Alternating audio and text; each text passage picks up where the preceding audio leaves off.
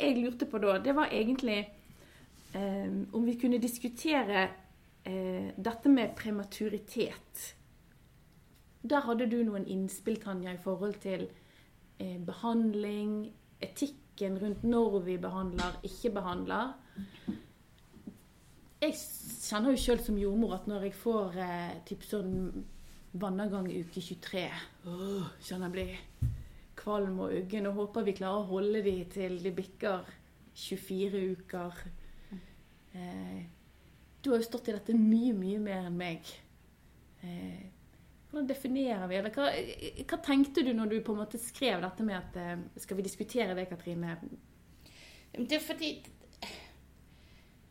det er en kæmpevigtig del af jobben som jordmor og barnelæge. Det er det med, at vi står nogle gange i situationer, hvor vi må tage stilling til, om liv skal rettes. Mm-hmm. Og få tænke på, hvad er det for et liv, som vi retter barnet til. Øh, skal barnet rettes for enhver pris? Ja. Og hvem er det egentlig, som skal få bestemme det her? Mm. Og bare for at tage det sidste først. Ja. Det er altid nyfødtlægen sammen med gynekologen. Det er lægerne sit ansvar at bestemme, hvad vi skal gøre. Mm. Det er aldrig forældrenes sit beslut. Nej. Jeg vil vældig gerne, at vi, om vi har mulighed, anledning, så vil jeg vældig gerne diskutere ting med forældrene, før vi pludselig står i situationen Mm. som pludselig kan blive vældig akut, men har vi mulighed, så vil jeg gerne vide, hvad tænker de? Hvad tænker de, når jeg siger til dem, at der er vældig høj risiko for, at barnet øh, kanskje dør under intensivbehandling, eller at de får et barn med sig hjem, som vil kræve øh, mange besøg på sygehus, kanskje sygehusophold, eller et barn, som vil få udfordringer senere i livet. Hvad tænker de, når vi begynder at snakke om det? Nogle er jo øh, helt åbne og siger, de vil ikke have et handicappet barn. Nej. Men så er der også de, som kanskje har 8 IVF-forsøg bag sig. Mm. De vil gøre alt i denne verden for at få lov at blive forældre. Mm. Og det tænker jeg, det må man også tage ind over sig. At de forældrene går vi kanskje lidt længere for, end vi ville have gjort for de, som har fem friske barner fra før. Mm. Men der er det også så, fordi forældrene har sagt det. At det er kæmpevigtigt for dem at få lov at blive forældre, og de vil gøre alt. Mm. Øh, og så skal det faktisk siges, at der er jo gjort undersøgelser på det, det her med at blive forældre til et handicappet barn, eller har et handicappet barn. At helsepersonel ser det faktisk for langt mere ud- udfordrende og vanskeligt, end det, de forældrene, som står i det. Ja, hvorfor, hvorfor det, tror du? Er det fordi at vi står i typ nyfødtintensivdagen og ser på eh, hvor skjøre de er når de er så små, og så ser vi ikke den horisonten, eller? Jeg tror, at forældrene de vokser med opgaven. Det gør Ja. vi alle. Mm. Vi vokser med de udfordringerne, vi bliver sat i. Og selvom du har et barn, som bliver handicappet på et eller andet vis, disse barn har jo en personlighed og en sjæl, som du som forældre Mm. stå, altså kommer til at elske. Jeg ved, man siger, at man, vi elsker alle vores barner. Ah, at man, det siges også, at man må ikke have favoritter, men det er der mange, som har. men, nej, men jeg prøver bare på at sige, at det er dit barn. Øh, der er også nogen, der siger, at det er, øh, det er vanskeligere at afslutte en behandling. For eksempel et kraftsygt barn, hvor man går over til palliativ behandling, og nogen, på et eller andet tidspunkt må vi beslutte, at nu skal dette barnet ikke lægges på respirator, hvis den får en pneumoni igen, Mm. mm. fordi de er så syge. At der er det vanskeligere at tage det beslut, fordi du har blivet kendt med barnet. Ja. Men det synes jeg faktisk ikke, det holder ikke. Det er vanskeligt uanset. Mm. Fordi, nu bliver det sådan vældig emotionelt, fordi det det her med, at som kvinde har du øh, kanskje øh, ved glæde dig, det har papperen selvfølgelig også, men du har mærket det barnet, du har mærket forandringerne i kroppen, og det er ganske mye anderledes, end at være far, tænker jeg. Fordi du har det fysisk, der kender du på, at du ting bliver anderledes. Mm. Øh, og så tænker jeg, at Jeg havde en mamma, som engang sagde, at øh, hun fødte vældig tidligt i uge 23, og hun sagde, at øh, de havde jo ventet længe på det her barn. Det var også et IVF-barn. De havde et frisk barn fra før, også et IVF-barn, men som hun fødte i uge 35. Mm. Så det var jo kun lidt tidligt, og ikke nogen ting, vi overhovedet bekymrer os for. Men hun sagde der, da han blev født i uge 23, at øh, det, det her skulle ikke være for enhver pris. Hun ville ikke, at han skulle have det vondt. Øh, og så håbede hun bare, at det gik hurtigt, så hun ikke, nåede, øh, hun ikke rak at blive glad i ham. Ja. Og der gik jo ikke lang tid, så var han vældig syg med alle de udfordringerne, som var, vi måtte sige, at nu har det vi bestemt, at hvis han blev dårligere, så ville vi ikke for eksempel tage ham til operation. Øh, og det skønte de, men så kom han så over knækken. Og så måtte han faktisk til en operation. Og så måtte vi jo sige til dem, at nu syntes vi faktisk, at han var så stabil og så fin, at nu ville vi jo operere ham. Og så siger mamma, jamen det vil jeg også. Havde du sagt, du ikke ville det, så havde jeg protesteret. Ja, ja for det, du, du udvikler jo en relation, men samtidig så var jo relationen der Relationen allerede. var faktisk bare 10, uge, eller 10 dage. Og jeg kan også sige, at man kan have... Jeg har... Jeg brænder jo vældig for det her tema med etik. Jeg har jo taget, øh, brugt vældig lang tid og masse penge, eller jeg var heldig at få øh, et legat, men jeg har taget en uddanning i pædiatrisk etik i USA. Mm. Øh, og der er jo mange ting i hverdagen, som er etik. Det er jo ikke bare liv og død. Øh, det er jo ligesom, hvem skal have den dyre medicinen? Ja. Øh, for eksempel alle disse barner og familier, øh, hvor et barn har for eksempel muskelsygdommer og kan få øh, behandling. I nogle nordiske lande, der får de behandlingen, i andre nordiske lande får de ikke behandlingen. Hvorfor er der forskel? Hmm. Er det etisk ret, at du i det ene land kan få, men ikke i det andre? Er det etisk ret, man sætter en, øh, en aldersgrænse? Hvis du er 17,5 kan du få, men hvis du er 18 år og to dage, kan du ikke få. Ja, dette er jo kjempevanskelige spørsmål. Præcis. Men på denne etikuddanning, der traf jeg en kvinde, som øh, selv øh, havde stået i en situation. Og hun sagde, at manden, mener jeg, vi var helt enige om, da vi blev gravide, at vi ville ikke have et ekstremt præmaturt barn. Uge 30, det var helt greit. Ja. Og derefter. Og der var noget miserik i uge 21. Der kom de jo ind og sagde til os, at de kunne ikke gøre nogen ting, før vi var i uge 22. Og det er jo sådan, det er i dag, at nogle stater, der satser man på uge 22. Det er bare at se til det svenske bruderfolk, de satser jo på uge 22, mm. de fleste stater nu. Men øh, hun sagde så til, eller de lægerne kom ind til denne her amerikanske kvinde og sagde, at, at vi kan jo ikke tilbyde nogen ting før om tre dage. Det er ligesom der, vores grænse er. Og så siger manden, eller siger min ægtemand, så hun så, så sagde han til lægen, jamen det her har vi snakket om før. Vi vil ikke have et ekstremt for tidligt født barn, så vi vil ikke, det jeg skal satse. Og der måtte jeg sætte foden ned og sige, jo, vi skal satse. Ja. Og hun sagde, en ting er, hvad du godt ved mentalt, hvad du egentlig selv står for. Når dit eget hjerte er indblandet, der er du ikke rationel længere. Der vil du, der skal satses 100%. Så du kan sagtens have en holdning til, at det her, det synes jeg ikke er ret, eller jeg vil ikke udsætte mit barn for intensivophold. Når du først står der, så vil du, at de skal gøre alt. Ja, fordi at eh, beslutningen tas i en fase der du har anledning å være rasjonell, og så skjer noe som gjør at du blir veldig emosjonell. Ja. sant? Og det er jo det som gjør også etikken og jussen ekstremt komplisert i disse situasjonene. Fordi at det er veldig vanskelig når man argumenterer med følelser. Og så er vi nødt til å ta det med inn i ligningen, for det er så på en måte viktig. Og det er også derfor, at forældre skal ikke få lov at bestemme, eller de har ikke lov at bestemme. Nei. Men jeg vil, de skal være medbestemmende, forstået på den måde, at jeg vil høre, hvad de tænker. Jeg vil høre, hvad de mener. Men jeg er altid vældig tydelig på, at det er ikke mig alene, men det er mit team, som tager det beslut. Fordi det er aldrig én læge, der bestemmer, om vi skal satse eller ej. Vi har nogle retningslinjer, som siger, at øh, hos os, der er fra uge 23, der kan vi satse. Men barnet må også lige vise livsvilje. Mm. Øh, jeg har været med på, at vi har fået uge 22 plus 6 igennem. Og det er jo altså denne usikkerheden, der er med datering. Mm. Øh, det kan være, der er nogle barner, som rent faktisk er lidt mere modne, lidt ældre end det, vi tror, når vi står der. Og det er også derfor, en af mine shepheste er, at det er ikke yngste livslægen, som skal stå på føden en nat, hvis der er en, der føder i uge 22. Der synes jeg faktisk, der er en nyfødt overlæge, der skal sparkes ud sengen og være til stede. For jeg synes faktisk ikke, det er fair, at yngste mand skal vurdere, om det, det her barnet er levedygtigt eller ej.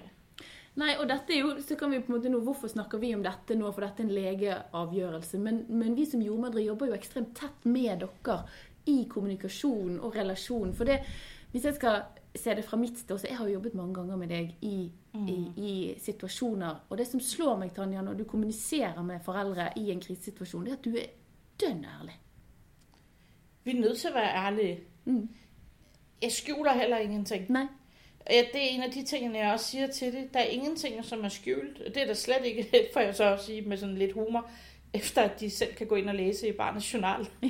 Vi oplever desværre dette, eller jeg synes det er desværre, at forældrene bruger vældig mye tid på at det og nærlæse notater i barnets, barnets journal, sådan at de er bedre forberedte på morgenen, end de stakkels sygeplejer, som møder klokken 7 på dagvagt. Der har øh, forældrene rukket at læse nattens notater og ved alt om, hvad som har hent. Og det har mine sygeplejer kanskje ikke engang fået rapport om. Så bliver de overfaldet med spørgsmål. Hvorfor hente det? Hvorfor hente det? Men det har nu været mit, min politik, eller mit princip hele livet, det er at, sige til disse forældrene, bliver jeg bekymret over nogen ting, så deler jeg bekymringen med dem. Mm. For der er ingenting, som skal komme som en overraskelse. Hvis jeg er bekymret for nogen ting, eller lyrer på, hvad hænder, det er klart, jeg sorterer jo selvfølgelig lidt, hvis jeg har en vældig bekymret, angstpræget familie, eller et forældrepar, som ligesom har nerverne og følelserne helt yden for kroppen, så er det kanskje ikke, at jeg fik sådan et flashback til et barn, vi havde set før, og tænker, gud, holder han her på at udvikle sådan en nekrotiserende enterokolit, Mm. altså næk. Så siger det kanskje ikke første gang, jeg tænker tanken, men jeg holder det heller ikke tilbage, når jeg tænker det andre gangen. Så er jeg nødt til at begynde at forberede de på, at det, det her kan blive en vanskelig situation. Hvis ikke du deler det med forældrene, så føler de netop det der med, at vi skjuler ting for det. Mm. Og der er ingen grund for at skjule ting her. Vi jobber på kanten af liv og død. På kanten af, hvad som egentlig er muligt. Mm. Øh, på den andre side, det er jo sådan, medicin har blivet. Ja.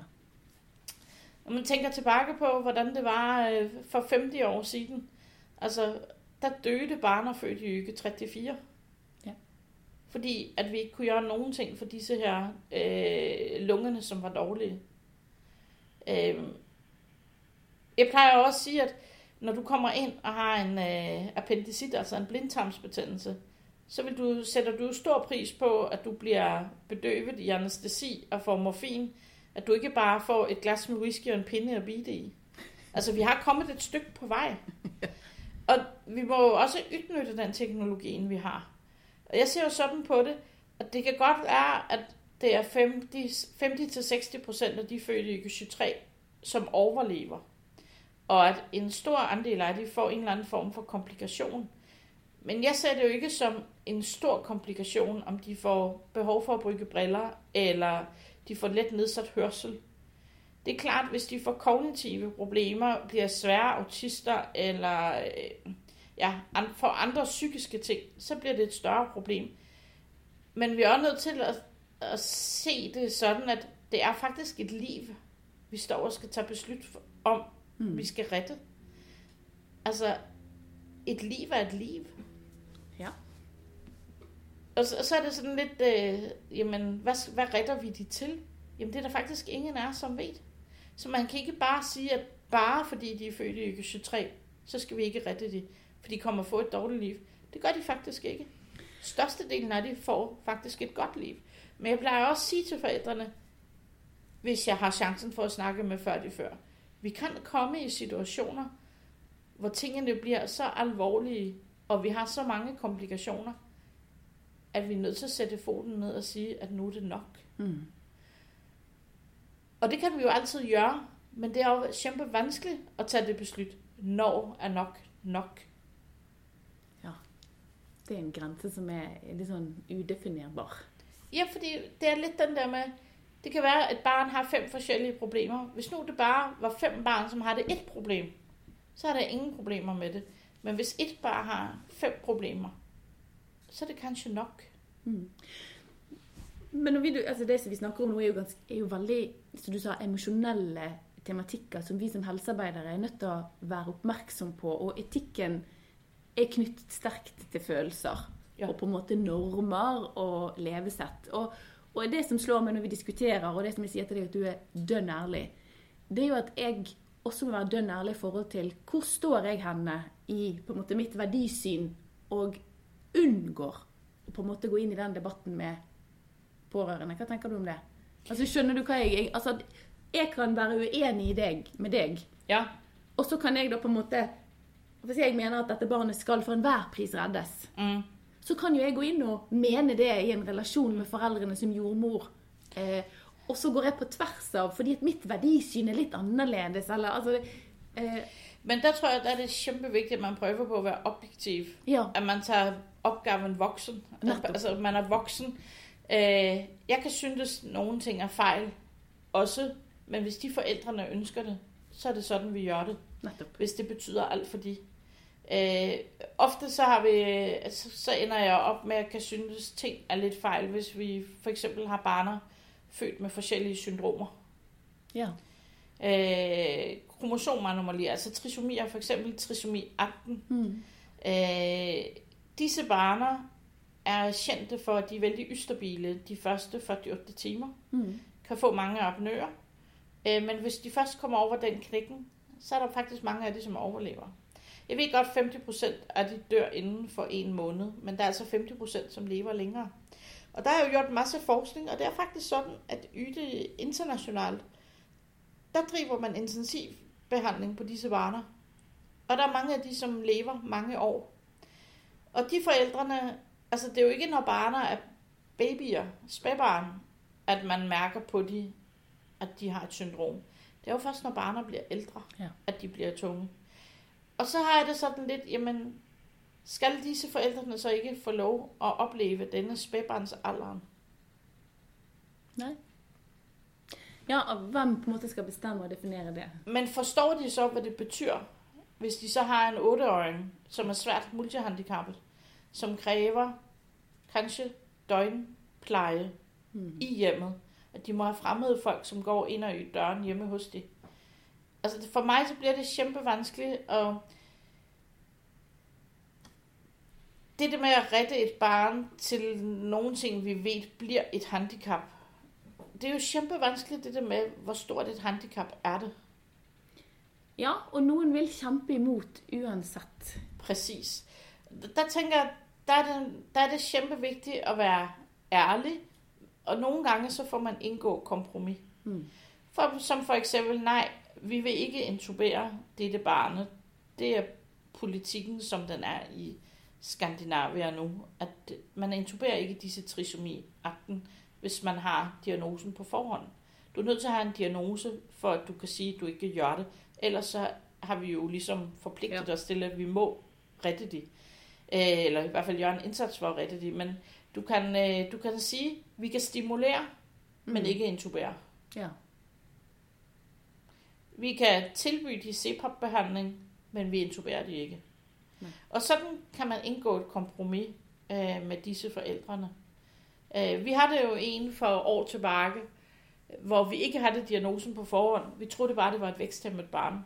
Hvor man ikke man opdagede først, at den var væksthæmmet, da den var i uge 30 eller noget sådan. Og der, øh, det var før, at øh, gynekologerne eller fetalmedicinerne blev så vældig flinke på at tage øh, fostervandsprøver og øh, tage kromosomtester, så man vidste på forhånd, hvad det handlede om. Og selv i dag er der mange, som fravælger denne kromosomtesten. De venter, siger, nej, det får ingen konsekvens, vi skal føde det, det her barnet Mm. uanset. Og der stod vi så med et barn, som den erfarne nyfødtlægen, som stod der, så med en gang, det det her kunne vældig godt være en trisomi 18. Men der havde vi altså et barn, som blev bagget 6-8 gange i timen den første natten, fordi den havde apnø. Mm. Er det etisk rigtigt? De, som har stået og set på, hvordan et barn ser ud, når det får apnø, at vi tager tag i det, stimulerer kraftigt, sætter en maske for ansigtet, bakker løs, blåser lungerne op. Er det etisk rigtigt, at barn, som skal ende som handicappet, skal udsættes for det 6-8 gange i timen en hel nat? Så fik vi kromosomsvaret, som så bekræftede, at det, det her var en trisomi. Og der var forældrene sådan, de havde to friske barner fra før, og de havde jo fået informationer også, og de havde, som folk gør i dag, selv læst på nettet. Og de bestemte sig så for, at den skulle, de ville ikke, at den skulle have intensiv behandling. Nej. Men så sluttede barnet, der har apnø. ja. Og så vidste de jo, at der var en risiko for, at den kunne få apnø. Og det værste, de kunne tænke sig, det var det, det her med at finde et dødt barn i sengen på Mm. morgenen. Jamen, der måtte vi jo også indgå kompromiser. Dette barnet blev så et halvt år. Men den sov aldrig hjemme på natten. I starten, der sov den på Haugeland på barneklinikken. Øh, og så kom forældrene og leverede den på kvælden. I begyndelsen sov de der med den. Altså, senere tog de hjem og sov for at sove ordentligt. Øh, sidenhen så fik de en øh, plads øh, på en sådan, kan vi kalde det en hospiceafdeling på et sygehjem i nærheden, hvor de boede. Øh, hvor så barnet lå og blev passet på natten, sådan at de sov selv. Øh, så fik den en infektion, og øh, kom så ikke over den infektion, og der var der enighed om, at dette barnet skulle ikke på respirator. Mm. Men nogle gange så får man indgået disse kompromiserne. Så må vi behandles, selvom vi egentlig tror. Men vi må have sikkerhed. Og, og sådan er det nogle gange. Den sidste trisomiakten, jeg stod med, der øh, pystede den jo. Igen. Øh, den var blå, da den kom ud, men den pystede. Men blev jo så lagt til mors bryst, og det, selv det er jo stimulering nok til, at nogle gange så pyster de. Og denne her lille gytten, han øh, blev jo vældig rosa og fin. Og der har det jeg rukket heldigvis få timer for inden at snakke med de forældre om, det kan være, han pyster. Det er ikke sikkert, han dør under fødslen. Og så orker de ikke at blive flyttet til nyfødt. Og der vil jeg jo ikke aktielle mor og barn, når jeg ved, at han risikerer at dø. Fordi han risikerer at dø, før mor kommer bort til mig. Øh, så der blev det til, at han skulle blive på føden. Og der skulle de ligge over natten. Han blev født sent på kvelden. Og så øh, kunne de blive flyttet til nyfødt næste dag. Men han fik jo en apnø næste morgen, Mm. som gjorde alle forskrækket. Fordi, som en jordmor har sagt til mig, "Men vi er jo ikke vant ved, at vi ikke skal gøre nogen ting. Nej. Men igen, så tænker jeg, at der må man altså være objektiv. Hvad er det, vi står i? Mm. Vi står med et barn, som vi ved får et vældig forkortet liv. Mm. Han har det også en vældig, vældig alvorlig hjertesygdom, som ikke kunne blive opereret. Så han har ligesom mange ting imod sig. Men det var ligesom, der var vældig, der var oprør over, at de havde fået lov at blive på føden. Men der tænkte jeg, det er det forældrene vil. Hvorfor skal vi ikke kunne imødekomme de? Og jeg tenker at det er viktig når de er i en krise, at de i hvert fall får på en måte bli hørt på noen av tingene. Jamen, jeg tænker, det, er en, det bliver en forhandling. Mm. At vi får gi lidt, vi får tage lidt. Men jeg tænker, det er nødt til, det der med barner, som øh, vi ved ikke skal leve. Det er kæmpe vigtigt, at den situation, de øjeblikkerne, de forældrene får med sine barner, at det bliver de fineste. Mm. De skal ikke huske på det som, at vi måtte diskutere os, eller krangle os til, eller... Jeg tænker, det er så kort tid af vort arbejdsliv. Om det er så få dage, de skal ligge der. Herlighed. Det er barnets hele liv. Ja, det er et veldig sånn sterkt uttrykk. Altså, jeg kjenner, jeg kjenner at det ja, det, Jamen, jeg, jeg har også sådan en setting, jeg plejer at sige, at som nyfødt læge, der er jeg trænet til, at det første pyst, det er det vigtigste. Mhm. Bare vi får barnet til at pyste, så er alt godt. Men jeg tænker faktisk, det sidste pyst er også vigtigt. Ja. Det skal ikke... Det skal, hvis vi kan planlægge, hvordan det sidste pyst skal være, så kommer det at blive det fineste. Mm. Men det er det, forældrene husker. Det er ikke bare det første pyst. Det er faktisk også, hvordan barnet får lov at slutte livet, som er vigtigt. At de forældrene faktisk har indflydelse på. Nogle gange så får vi guidet de. Det er jo heldigvis de færreste af os, som har prøvet at miste et barn. Vi får hjælpe de så godt på vej, som vi kan, så det bliver en fin oplevelse. Mm. Men det er bare, det skal ikke bare være, at de skal skubbes i bankeste krogen, eller det skal ikke være et tabu, det det med, at barner dør. Barn dør faktisk. 50% af de barner, som dør, øh, øh, øh, hvis du ser på barn og unge under 18 år, det er 50% af de er under et år, og størstedelen af de dør, før de er en måned gamle. Mm. Barn dør. Ja, og så har vi på en måte en eh, forståelse av at det gjør de ikke i Norge eller i Skandinavia. Det er liksom eh, et sånt u-landsproblematikk. Det stemmer ikke. Der er Nej. 230 så under 18 år, som dør. Mm. Og 130 af de, de er faktisk under et år. Kan jeg bare si noe? Fordi at jeg eh, Vi sto jo med en trisomi 18 i sommer, jeg og du, eh, Mm. eh, Tanja. Og det som slo meg i din kommunikasjon, da var det tilbake til det med at du er så dønn ærlig. Og jeg tenker Mm. at det er viktig at vi som helsepersonell tenker på det at du åpnet også veldig tydelig noen dører på det emosjonelle planet.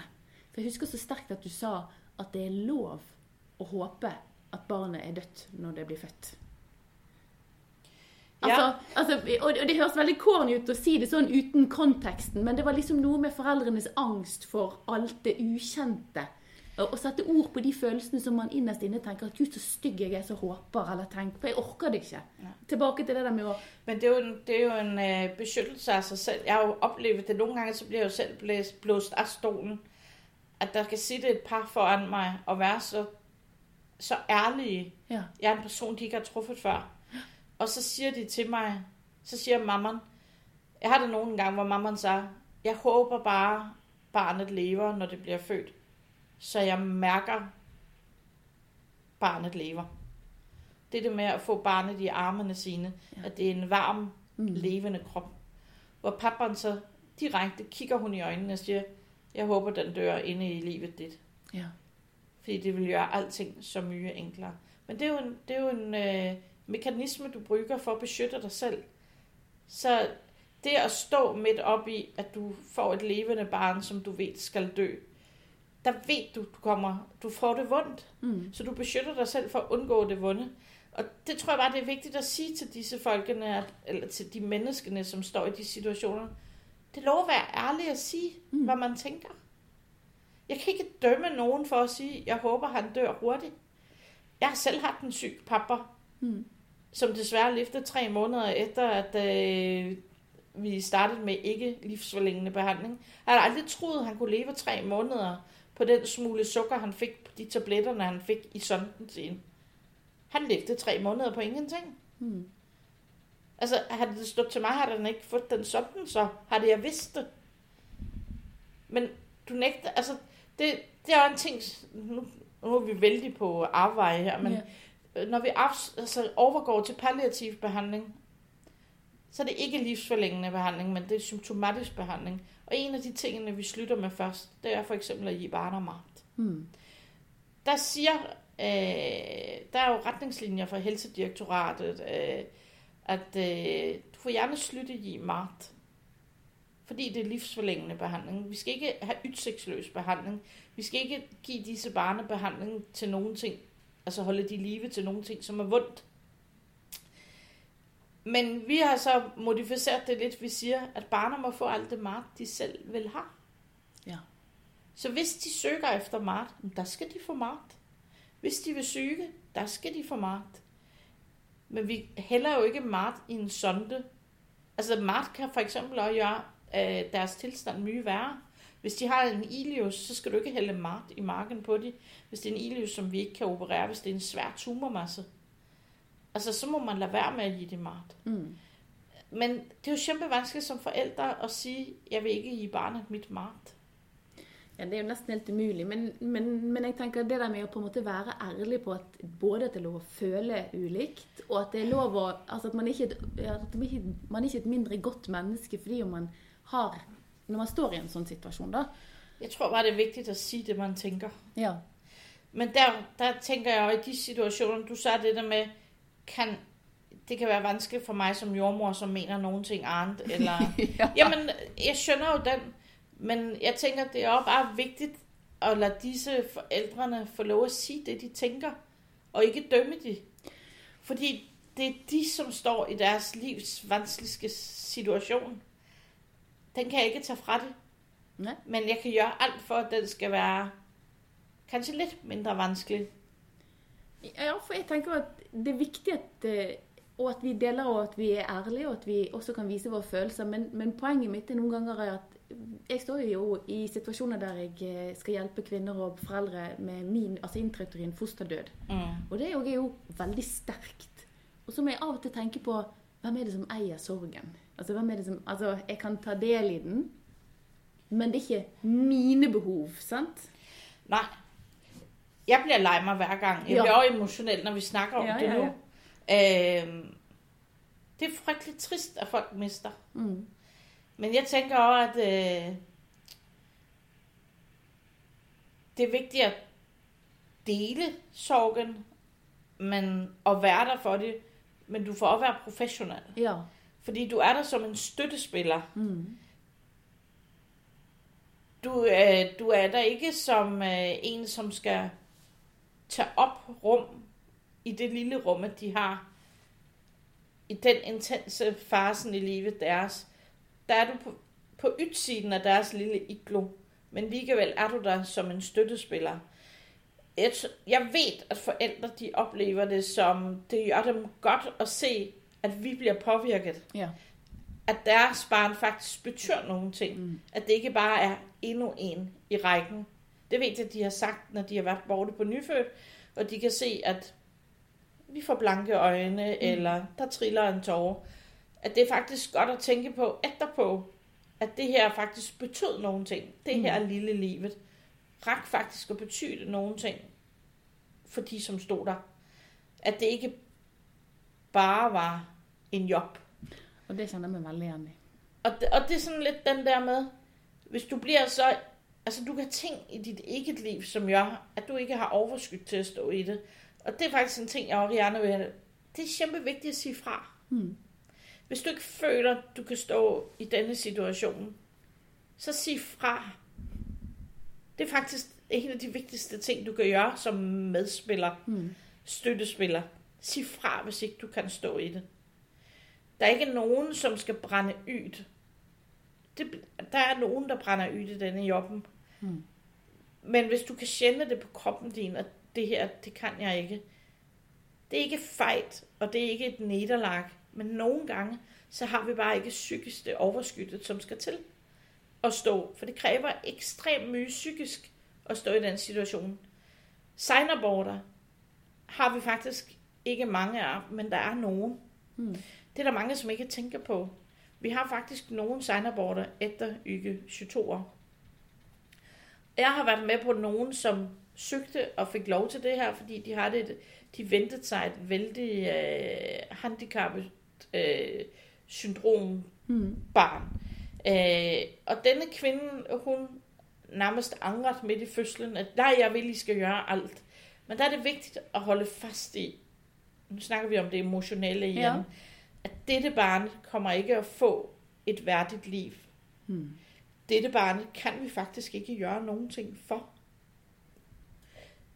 Og der er mange, som vil synes, det er tøft Mm. at stå med et levende barn, som man ikke skal gøre nogen ting med. Så præcis som jeg snakker om det syndrombarne, Mm. øh, eller de syndrombarner, jeg har stået med, at de barner, de må få de opnør. Mm. Og klarer de at pyste sig igen, så er det fint. Klarer de ikke at komme i gang igen, så var det bare sådan, det skulle være. Men det er så tøft at stå i de situationer, at man må også sige fra. Mm. Og det er også at være sin opgave voksen.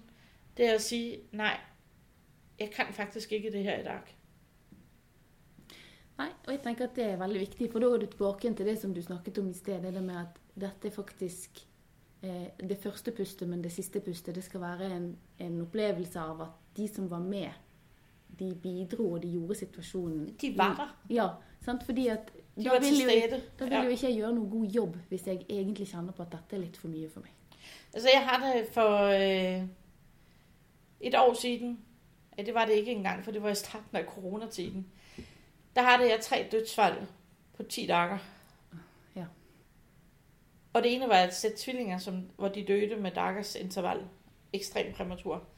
Der havde jeg det sådan, da de 10 dagerne var gået, at nu skulle jeg ikke have nogen barn, som jeg havde ansvar for, som skulle dø på en stund. Der man, jeg nøddøbte Ja. to af de tre barner. Det er vældig stærkt. Mm. For mig er det vældig stærkt.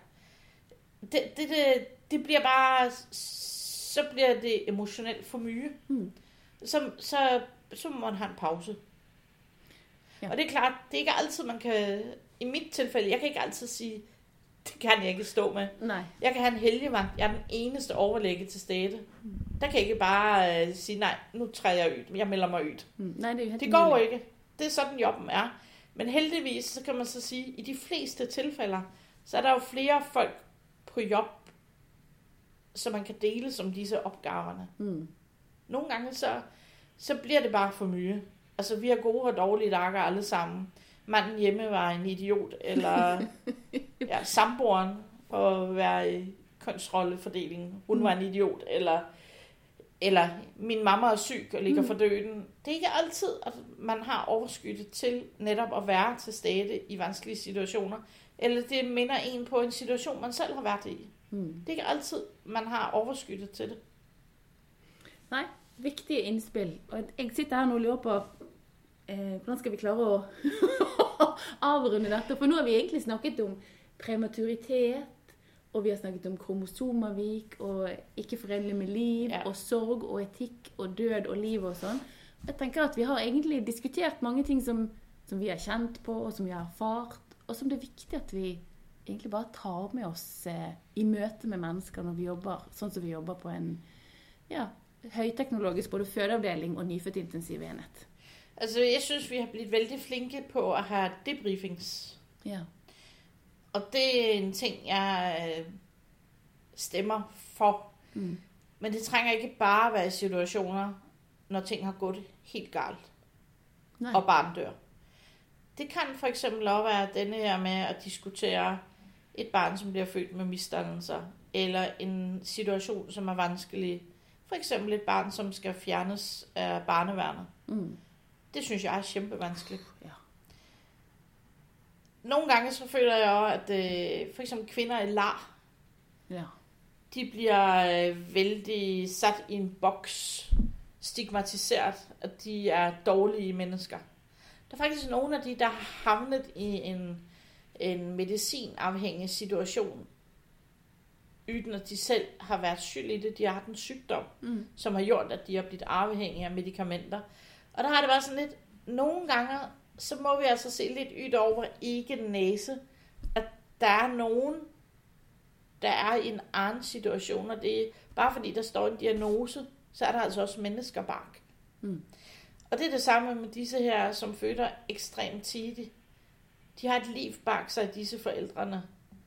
Hvad er det, som gør, at de vil, at jeg skal satse alt? Hvad er det, som gør, at de vil, at jeg ikke skal satse alt?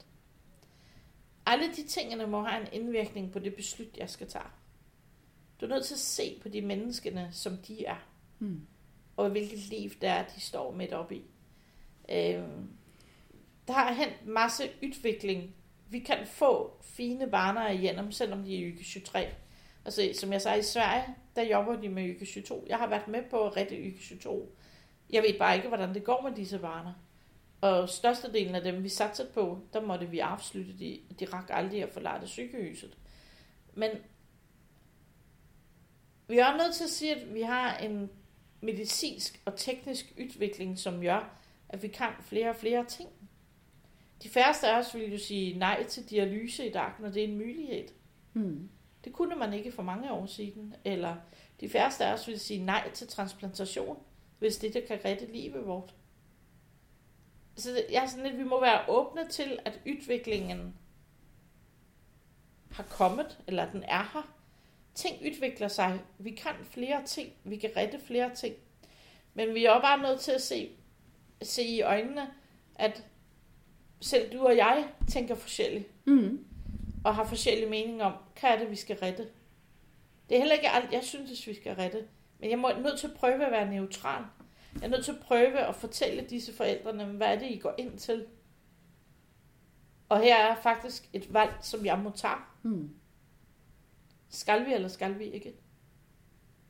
Eller kanskje skal vi, men det kan være, at jeg siger i morgen, vi ikke skal likevel. Ja. Jeg tenker vi lar det være siste steg, Tanja, i denne litt sånn eh, grenseløse diskusjonen rundt Ja, det blev etikk. mange ting, som ikke bare var... Jo, men jeg tenker likevel det er viktig å ha disse refleksjonene.